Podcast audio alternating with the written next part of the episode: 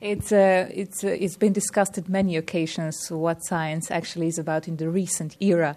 What, it's, what is its role? What do you think, as the uh, leader of the Royal Society, uh, previous leader of the Royal Society, mm-hmm. what, is re- what is science really about? Yes. Mm-hmm.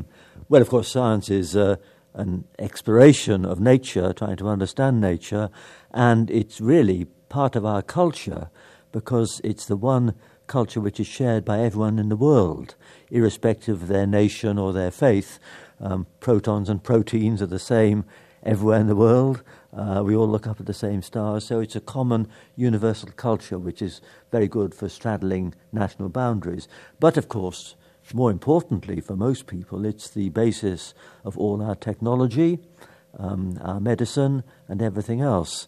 And uh, if we look at uh, our everyday life, it is uh, determined every day by the uh, outputs of, uh, of science, um, the new advances of science. So, science um, is crucial to our quality of life and to our economy, as well as being part of our culture. But which are the crucial topics it should deal nowadays in the 21st century, at the beginning of the 21st century? Mm-hmm. Well, of course, it should cover a whole range of things, but if we look at uh, the important areas, uh, then uh, clearly uh, um, genetics, medicine, and health are two are areas, and uh, genetics is an area that's developing very fast. Another area developing very fast is uh, information technology and computer science and robotics. Um, and another area which is very important is um, uh, energy generation. We want to have ways of getting uh, low carbon energy, uh, maybe solar, uh, maybe nuclear. Um, and also, uh, we want to ensure that we understand and the public understands uh, the problems which are confronting our environment. Because there are more people in the world, all more demanding of energy and resources, and we know this is causing problems for um, our environment, for the diversity of life on this planet, and climate change, etc. And these are important problems. And another thing that's changed really is that a lot of the problems which are now important for us are problems which can't be tackled at the level of one nation. They've got to be tackled at an international level, European or maybe global. Um, that's true of energy, it's certainly true of climate, and it's true of uh, uh, medicine also, epidemics cross all boundaries. So uh, science is something which is more and more international, and I think all citizens uh, need to have enough feel for science that they can participate in debates and votes on these issues which are important to them but which involve science. Can you possibly um, show and name me some of that steps how to re- how to integrate citizens into science, how to make science more public? Mm-hmm. Yes, well, of course that's that starts with um, education in schools, and one of the problems in uh, most countries um, certainly in mine and probably in yours, is not enough very good science teachers. So many young children don't get exposed to good science teachers, which is a pity because children start off with great enthusiasm for nature. Um, most very young children, everywhere in the world, they're fascinated by dinosaurs and they're fascinated by space. Uh, and uh, those are fascinating. They're not very relevant to their lives, but a good teacher should build on those enthusiasms to uh, uh make uh, young people uh, study all the rest of science, which they will need in order to understand their wor- the world and to be good citizens. So, school education is important, but also it's very important that scientists should not only uh, communicate their ideas to fellow scientists, because science is a cumulative endeavor, but they should also, of course, um, uh, interact with uh, politicians and policymakers and also with the wider public because the science is uh, uh, done not just for its own sake, but it's funded uh, mainly because of its potential applications. And uh, the scientists are more aware of those applications, so they have an obligation, in my opinion, to uh, uh, tell policymakers and the public about their work. Obligation is a very strong word, especially in our country. Scientists normally think this is not their job and it's not obligatory for them, but I guess it well, should be. Well, I think not for everyone, because uh, we know some scientists are very bad speakers and they can't do it at all. But uh, uh, uh all those who are good at this should, I think, uh, um, uh, d- do some public presentations of their science. But also, I think it's very important to have a good relation between the scientific community and um, government and policymakers. Uh, I think um, our country in England, I think we're fairly good at this. For instance, um, when we uh, had to formulate regulations on things like um, embryo research and stem cells, um, what happened was that the scientists engaged with the people in Parliament and informed them. And for that reason, I think we in England have uh, rather good regulations which are generally accepted uh, for these new technologies. Um, but um, sometimes it doesn't work for, um, uh, I would say, genetically modified crops. Um, the situation in Europe was handled rather badly. I think so that uh, the public and the European Union were unduly negative about uh, genetically modified crops um, because uh, there were pressure groups who were against the technology and there wasn't enough information. Um, and so sometimes it goes badly, and I think it's very, very important that uh, um, people should have a realistic assessment of the risks. Uh, some things need to be regulated, um, and uh, uh some things have benefits which outweigh the dangers, and we need to know which category a given discovery is in. Yesterday, I listened to the presentation and the uh, panel uh, where uh, Sheila Jasanoff was part mm. of, and mm. she compared the United States, Germany, and Great Britain. That's right, I was there for that talk. And too, yes. Uh, Britain is quite liberal in comparison to the United States, for example. Is this the reason that uh, uh, scientists are so much involved in the public debate? I, it probably is the case that I think in in in Britain probably um, the public and the scientists tend to have similar political views on average, whereas in the United States, um, um, most academics are liberal, whereas most other people of their socio-economic category are, are rather different in their views. Some of them even support the Republican Party. Um, and um, uh, in, in Germany, um, I think pe- people are equally liberal, but uh, as uh, was explained in this excellent talk by uh, Professor Sheila Jasanoff, at this meeting. Um, in Germany, um, the way in which uh, uh, parliamentarians interact with the public is rather different uh, from what happens in England. Mm-hmm. How come different? Well, again, I, I, don't know the German situation, but I get the impression that um, uh, the parliamentarians interact more directly with the public and that the scientific community doesn't have so much of a voice. Whereas one thing we have in Britain is um, uh, a few parliamentarians who are scientists. I mean, I'm in the House of Lords myself, and a, few people like me who know about science who are directly involved in the process. But also, we have a system whereby um, in every government department there is a science advisor who is normally a uh, academic who spends three or five years working in the government department, and that ensures that there is some input from uh, active academics into all departments. And we have a government chief scientist, uh, uh, Mark Walport, at the moment, who has been at this meeting, uh, who um, has a great deal of influence. And uh, he is a person who is a very good scientist, he's a medical scientist, but he's also a very good communicator and also is politically realistic, because some scientists don't understand the realities of politics. They don't understand that every political decision uh, may involve science, but it also involves economics, um, ethics, and politics as well. And uh, uh, it's very difficult for politicians to uh, focus on just the science. You are in the House of Lords. Uh, you were the president of the Royal Society. Mm-hmm. Do you consider yourself as a scientist being influential, and how?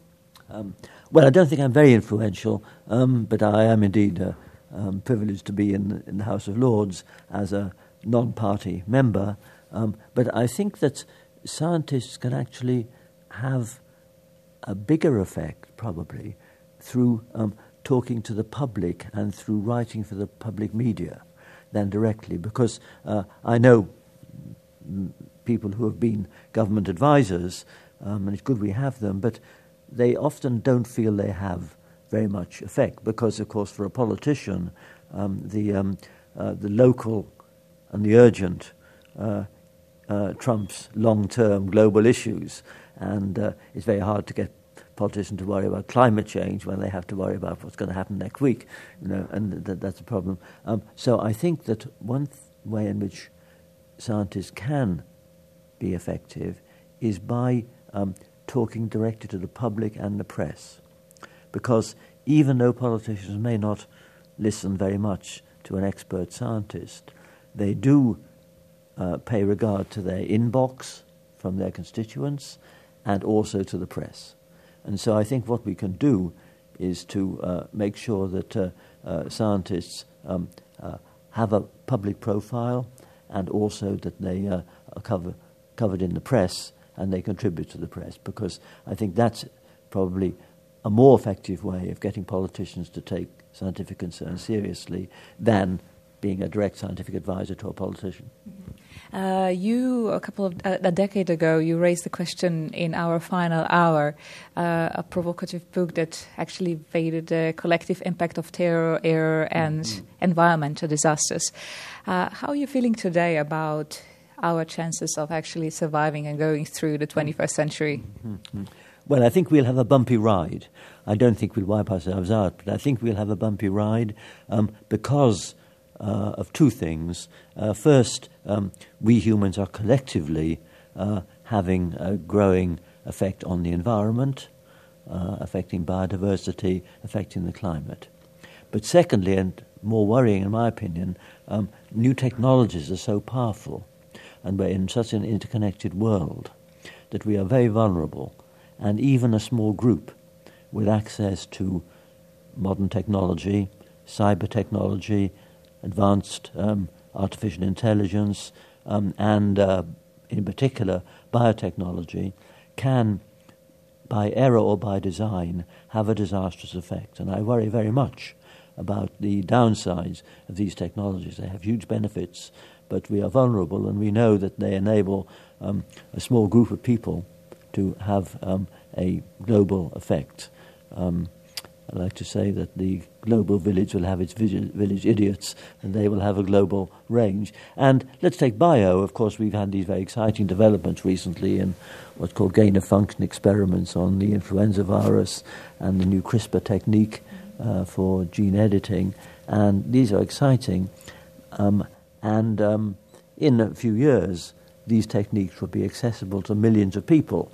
They don't need huge facilities beyond what you would have in a university laboratory, um, and uh, uh, they can be used uh, by people um, um, perhaps in a way that leads to errors, or perhaps uh, uh, intentionally in a damaging way.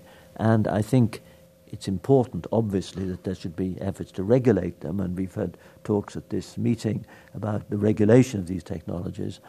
But the reason I'm pessimistic is that the regulations can't really be enforced worldwide.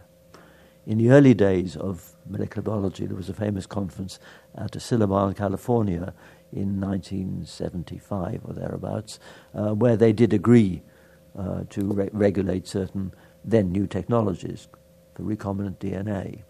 And they're trying to do the same thing now with these new technologies. But it's a big difference. The one is that the um, uh, technologies um, are um, widespread. It's not just a few countries, it's every country in the world which is doing these things. And secondly, there are much stronger commercial pressures. And so my worry is that even if uh, most of the experts feel there should be some regulations of these new technologies, enforcing those regulations worldwide will be hopeless, just as it's hopeless to enforce the drug laws and the tax laws globally. And so my worry is that whatever can be done will be done somewhere by someone.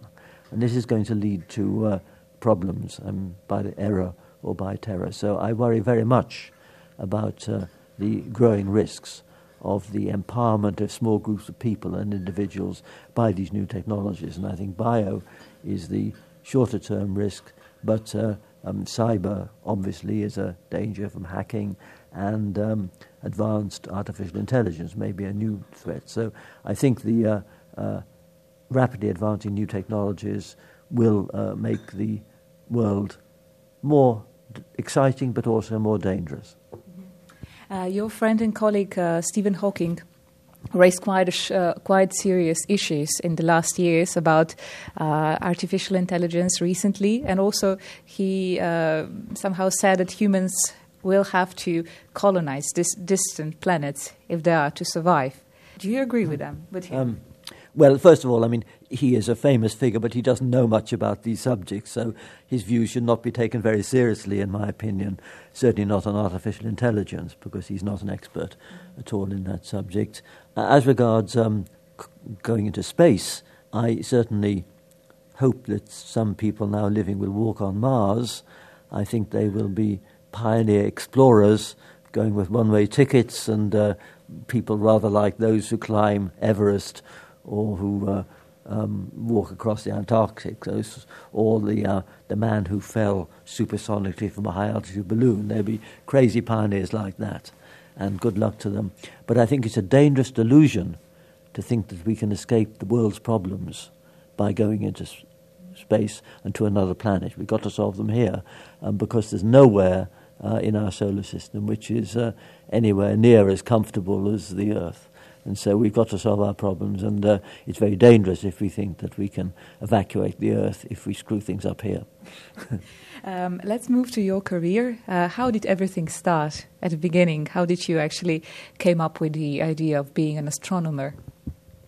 Well, I didn't really have any childhood ambition in that direction. I was uh, um, quite interested in numbers and in nature, um, and I was quite good at mathematics, which meant that when I went to university, um, I studied mathematics for my bachelor's degree. But I realized then I didn't really want to be a mathematician. Um, I was quite good at it, but I didn't really enjoy it, and I wanted to uh, uh, do a subject which involved a sort of synthetic type of thinking to try to, to make sense of data and understand the world. And uh, it was really coincidence that I ended up doing astronomy. I thought I might do economics at one stage, actually, because that again is a subject where you try and put lots of data together to make sense of it. Um, but I did um, uh, get into a group doing um, astronomy, um, and um, I was very lucky because I was in a very strong group with a lot of fellow students. In fact, Stephen Hawking was two years senior to me, so I knew him back there, and We had the same PhD advisor, um, and this was also a good time because this was the late 1960s, which is when we had the first strong evidence for the Big Bang, first evidence for black holes and neutron stars, etc. So it was an exciting time to be a young scientist because when everything is new, the old people have no advantage. So the young people can do just as well as the old people, and I think we were we were lucky. But of course, um, I've been lucky through the rest of my career because um, even though the late 1960s was an exciting period, if I think of what has happened in the most recent five years, that's been just as exciting. Um, we've got uh, evidence for planets around other stars. We've learned that there are probably a billion planets in our galaxy, rather like the Earth and we want to know is there life on any of those. And we've learned a lot about the very early Big Bang from the European Space Agency's Planck spacecraft and in other ways. Uh, we've had pictures from the outer solar system uh, from comets and from uh, uh, the flyby of Pluto. And so exciting things are happening. And in our subject of astronomy, we benefited.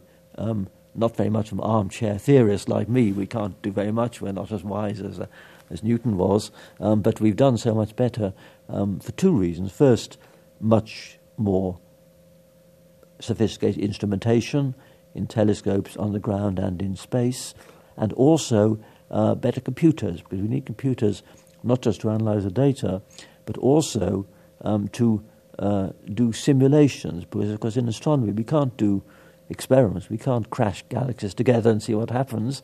We can just observe them. But in the virtual world of our computer, we can crash galaxies together.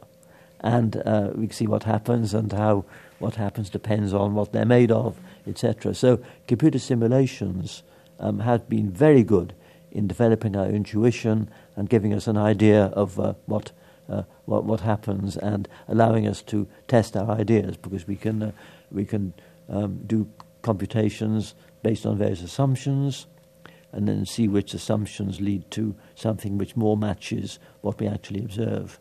And that's how we, we learn whether we are on the uh, right track in our theories. So it's been uh, computer simulations uh, which have substituted for experiments in our subject. Yesterday, I listened to the conversation of Brian Cox and Matthew Kopp and they were also discussing about the popularity of uh, the space studies and so on, about yes. uh, the cosmology and so on, why people are so interested. Well, Cox mentioned that maybe this is the in, in fact uh, impact of the television that it actually can present the the space very accurately and very imaginatively and so on. But why do you think people are so much interested in space in these faraway galaxies? For example, philosopher Kant mentioned that there are just two things that are yes. wor- wor- worth wondering. the moral above and the moral law within. Yes, that's true. That's true. Okay. What, what is yes. your opinion about that? Um, well, I think, as I said, uh, um, uh, even young children are fascinated by uh, um, things like dinosaurs and uh, space, um, even though they are completely remote from any everyday affairs. They're completely irrelevant to their everyday lives. Um, and I think the um, enthusiasm for space is certainly stimulated by astronomy, by the Hubble Space Telescope, by these pictures of, um, of planets and moons, um, but also by science fiction movies. Um, and I think uh, uh, mo- most young people have seen quite a few of the recent science fiction movies, and that stimulates your imagination and uh, uh, I, I, think that's a very good thing, and I w- would tell my students and colleagues that uh, they should watch science fiction movies because the science may not be right, but they certainly stimulate uh, your uh, vision, and uh, uh, and that's very good. And I think it is because of movies and television um, that young people are more aware, and of course the um, the graphics are much more realistic and uh, that, of course, makes it easier to get a real feel for what it's like out there. Do you have any special favorite uh, movie about space, uh, about science fiction of, and space, or any specific scene in that movie? Um, I don't really. I mean, I was very disappointed in Interstellar. Uh, I was disappointed because my friend Kip Thorne, I know, had spent a long time uh, advising them on the science, and I didn't see very much evidence that they got the science right. They got a nice picture of a black hole, but apart from that, the science wasn't very realistic.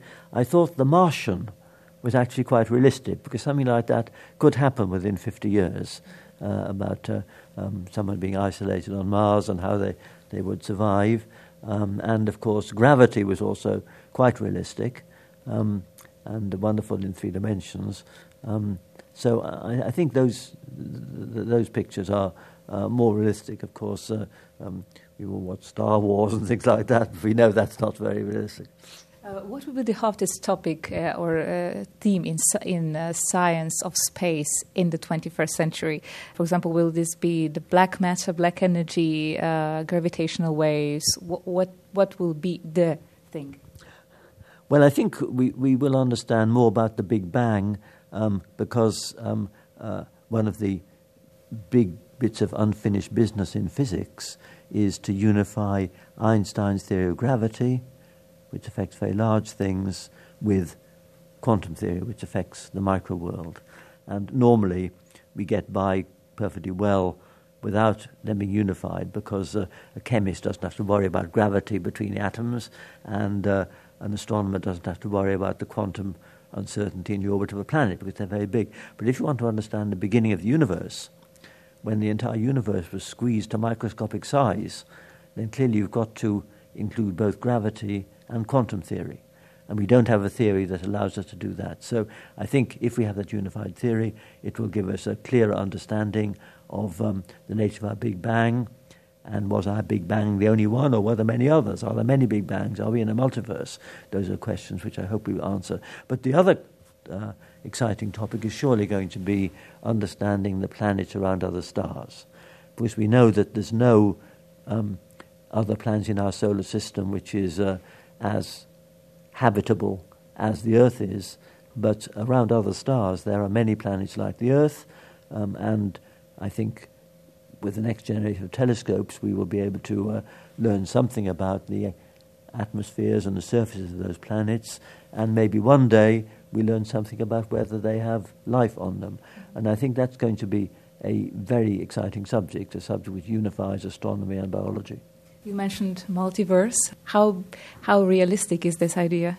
Uh, well, I think it is quite realistic in the sense that uh, um, we don't understand the physics of the very early universe when conditions are very extreme, but many of the best guesses that we make do suggest that there would be a multiverse, that our Big Bang would not be unique. So that there are many ideas which would have as a consequence that there is a multiverse, not just one Big Bang.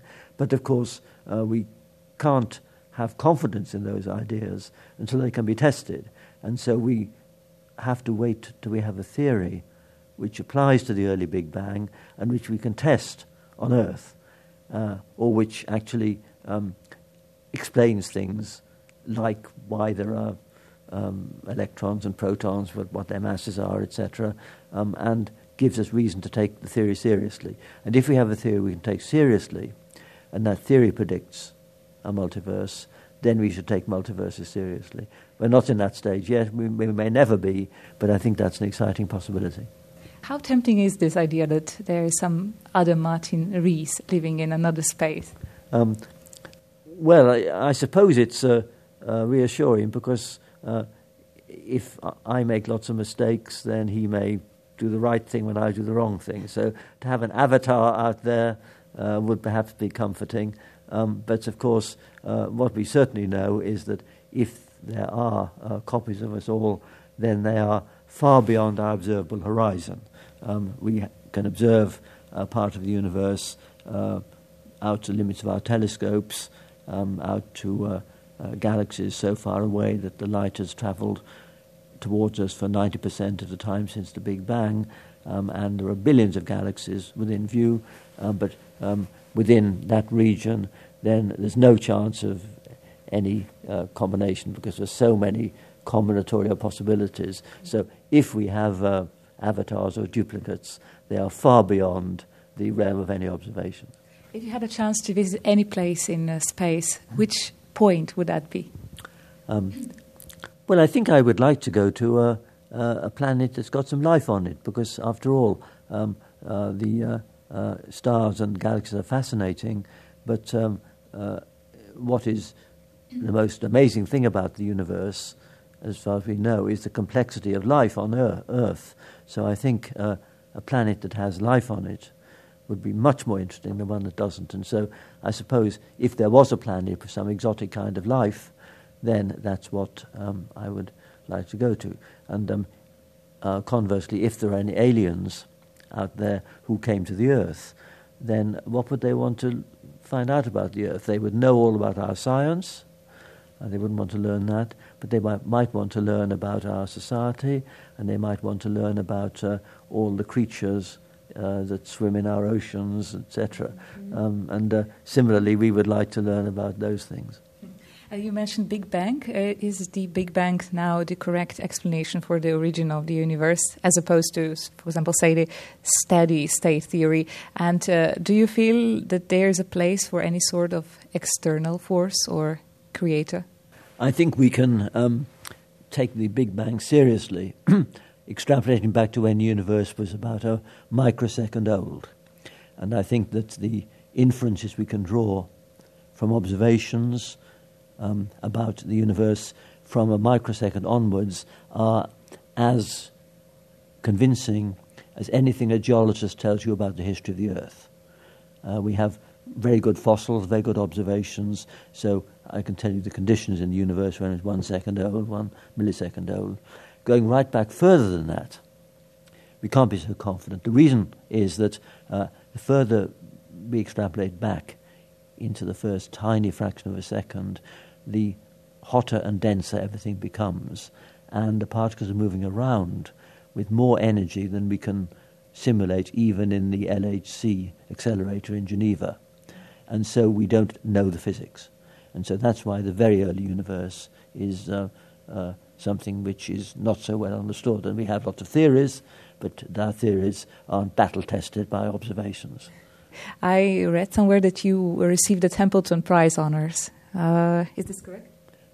I received the Templeton Prize, yes, yeah. for uh, working on big questions, I think, because I, I'm not a religious person myself. This is because this, this uh, honor or this prize is actually given to someone who made an ex- exceptional contribution to affirming life, spiritual dimension, and so on. Yes, yes. So, uh, do you, you, you said you, you're not a religious person, but do you believe in God?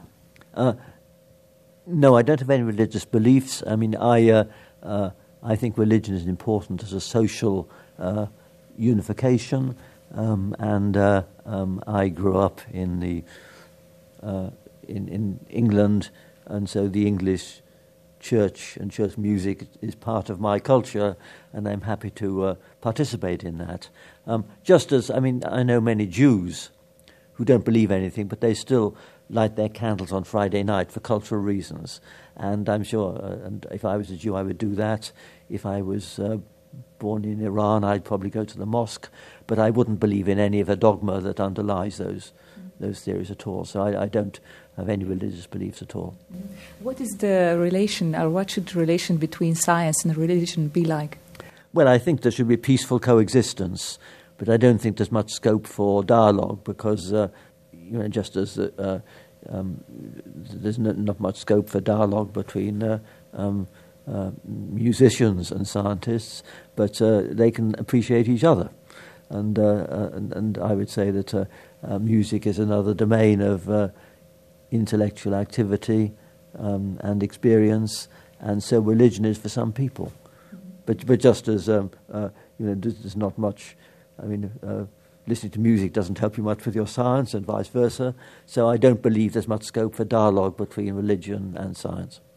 Even because of your uh, tolerance of religion, uh, Richard Dawkins once called you a compliant quisling. Yes, mm-hmm. yes. how did you, how do you answer that? Well, I, I, I know Richard Dawkins, but I do think that his view is very damaging. I'll tell you two reasons why. Uh, one is that um, uh, if I was a teacher in a, a, school in London, say, where you would have some uh, um, Muslim students in the class, uh, if I were to tell them that they can't have their God and Darwin, then they would stick with their God and be lost to science. That would be a bad thing. That's one reason why he's doing a lot of harm. The second reason is that um, uh, I think um, uh, we would all agree that fundamentalism is a real danger for the world. Uh, and we need all the forces we can muster against it. And uh, I would see the mainstream religions, um, the Vatican and the English Church and the Archbishop of Canterbury, as being on our side. And so to actually rubbish or insult the Archbishop or the Pope is, I think, again counterproductive. And I speak as someone who, though not religious, is a member of the Papal Academy of Sciences Council. So I'm happy to support them on that. And incidentally, going back to what we said earlier, um, I think that um, uh, the Pope's encyclical on the environment, which came out in June 2015, was a very important document, very influential in uh, uh, the debates in Paris on the climate change because uh, it had a big effect in Latin America and other parts of the world. And that's an example of how religions uh, can uh, um, get through to a very wide public and make people think about long term issues. Um, and I think uh, that that is very important if we are to keep these long range issues on the uh, environment uh, in the minds of politicians who have so many urgent things to worry about. So uh, I think Dawkins does a great deal of harm by uh, uh, attacking religion. Uh, we should strive for peaceful coexistence with it. Uh, just uh, last, a bit more informal question to know as a person. what does Martin Rees do besides being an astronomer, being a lord in the House of Lords, and so on? yes. well, I mean, I live in live in the country um, and uh, enjoy country activities. Um, and uh, I'm very glad to be involved in politics. Um, and uh, um, when someone asks me what sort of television I watch, I say I watch two things. One is the wildlife, and one is the politics. And there's a bit of overlap between those two, of course.